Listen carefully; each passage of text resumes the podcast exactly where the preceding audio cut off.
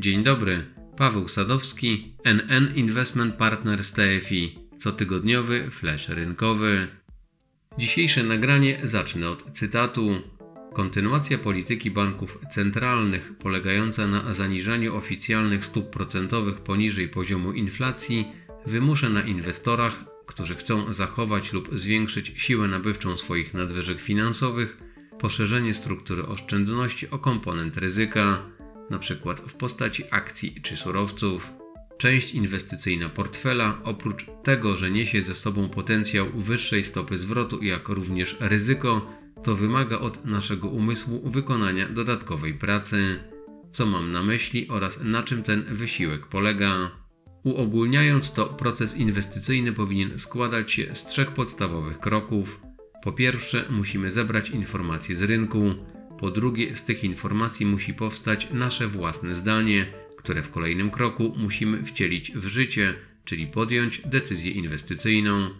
Oczywiście nasz mózg za wykonaną pracę oczekuje natychmiastowej gratyfikacji. Już sam brak otrzymania rychłej nagrody może stanowić wystarczającą behawioralną wymówkę dla naszego mózgu, aby nie podejmować wysiłku. Kolejną ważną przeszkodą, która utrudnia podjęcie decyzji, jest obawa, że nie mamy dostępu do wszystkich informacji oraz że wyciągnięte na ich podstawie wnioski mogą być błędne. Jeżeli napotkamy na swojej drodze tego typu dylematy, to warto posłuchać, co o tym sądzi ojciec chrzestny ekonomii behawioralnej Daniel Kahneman. Według niego przekonanie o słuszności własnego zdania bierze się ze spójności opowieści, którą ludzie są w stanie skonstruować z dostępnych informacji. Opowieść jest dobra wtedy, kiedy informacje są spójne, a nie wtedy, kiedy są kompletne. Często bywa wręcz tak, że im mniej wiemy, tym łatwiej jest nam ułożyć sobie wszystko w spójną całość. Te słowa, które przed chwilą przytoczyłem, pochodzą z cotygodniowego flesza rynkowego, który swoją premierę miał 20 grudnia 2021 roku. Choć minęło od tego czasu prawie dokładnie rok, to niewiele się zmieniło zarówno w kwestii tego, jak powinien wyglądać proces inwestycyjny, jak również w odniesieniu do kontynuacji polityki banków centralnych, która polega na zaniżaniu oficjalnych stóp procentowych poniżej poziomu inflacji. Dla przykładu, niezależnie od tego, że stopy procentowe były podnoszone na każdym posiedzeniu Rady Polityki Pieniężnej od stycznia do września bieżącego roku, to ich poziom 6,75% jest znacznie poniżej odczytów inflacji, 17,4% w listopadzie. Przy okazji to nadal nie można wykluczyć scenariusza, że wzrost cen w pierwszym kwartale przyszłego roku przekroczy poziom 20%. Z drugiej strony dużo na to wskazuje, że nie zobaczymy już kolejnych podwyżek stóp procentowych. Prawdopodobnie tylko w obliczu głębokiego i niekontrolowanego osłabienia krajowej waluty RPP mogłaby zdecydować się na podwyżki. Takie działanie instytucji odpowiedzialnej za kształtowanie polityki monetarnej wymusza wręcz na inwestorach, którzy chcą zachować lub zwiększyć siłę nabywczą swoich nadwyżek finansowych, poszerzenie struktury oszczędności o komponent ryzyka.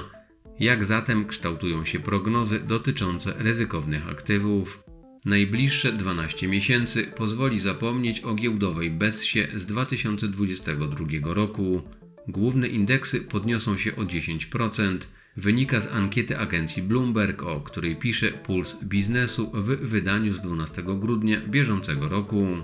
Aż 71% zarządzających z całego świata, zbadanych w ramach ankiety agencji Bloomberg, przewiduje dodatnie stopy zwrotu z akcji w 2023 roku. Mimo ostatniego odbicia na rynkach akcji, indeks MSCI All Country World jest na dobrej drodze do zamknięcia 2022 roku z najgorszym wynikiem od 2008.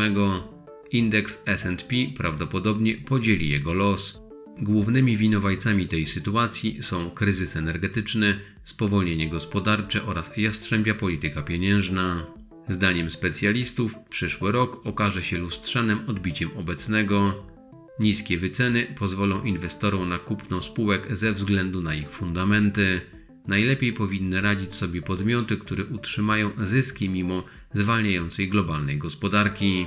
Zarządzające wybierają przede wszystkim akcje firm z branży ubezpieczeniowej i medycznej. zwracają uwagę na wysoki potencjał dywidendy i możliwie małą zmienność. Co ciekawe, przewaga spółek value nie wyklucza atrakcyjności sektora technologicznego. Mimo, że jest podatny na zmiany cyklu gospodarczego, to niskie wyceny pozwolą inwestorom na nim zarobić, szczególnie przy przewidywanym spadku rentowności obligacji rządowych.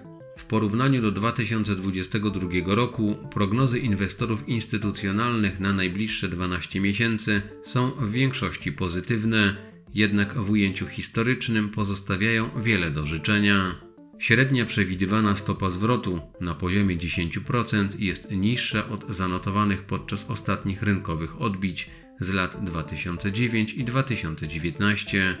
Przed nadmiernym optymizmem powstrzymuje inwestorów inflacja, mimo że w Stanach Zjednoczonych spadła z najwyższego poziomu od 40 lat, to może pozostać wysoka przez długi czas. Długotrwały rajd na giełdzie nie jest możliwy, dopóki inflacja nie zmieni trendu na zdecydowanie opadający w kierunku celu. Nie należy jeszcze rezygnować z defensywnej alokacji i dobrze zdywersyfikowanego portfela. Dla przypomnienia, to o tym, który fundusz z naszej oferty inwestuje w spółki, które wywodzą się przede wszystkim z sektorów defensywnych, czyli takich, na których dobra i usługi popyt istnieje bez względu na stan gospodarki oraz charakteryzują się ponad przeciętnym poziomem wypłacanych dywidend, mówiłem w nagraniu z 7 listopada. Na koniec, w związku z tym, że niniejszy materiał jest ostatnim w tym roku, to przy tej okazji chcieliśmy Państwu życzyć tego samego co w ubiegłym. Nawiązując do słów cytowanego dzisiaj Daniela Kahnemana, życzymy, aby w nowym roku wszystko, nie tylko inwestycje, układało się Państwu w spójną całość i żeby to wszystko przychodziło bez nadmiernego wysiłku. To tyle na dzisiaj i do usłyszenia w przyszłym roku.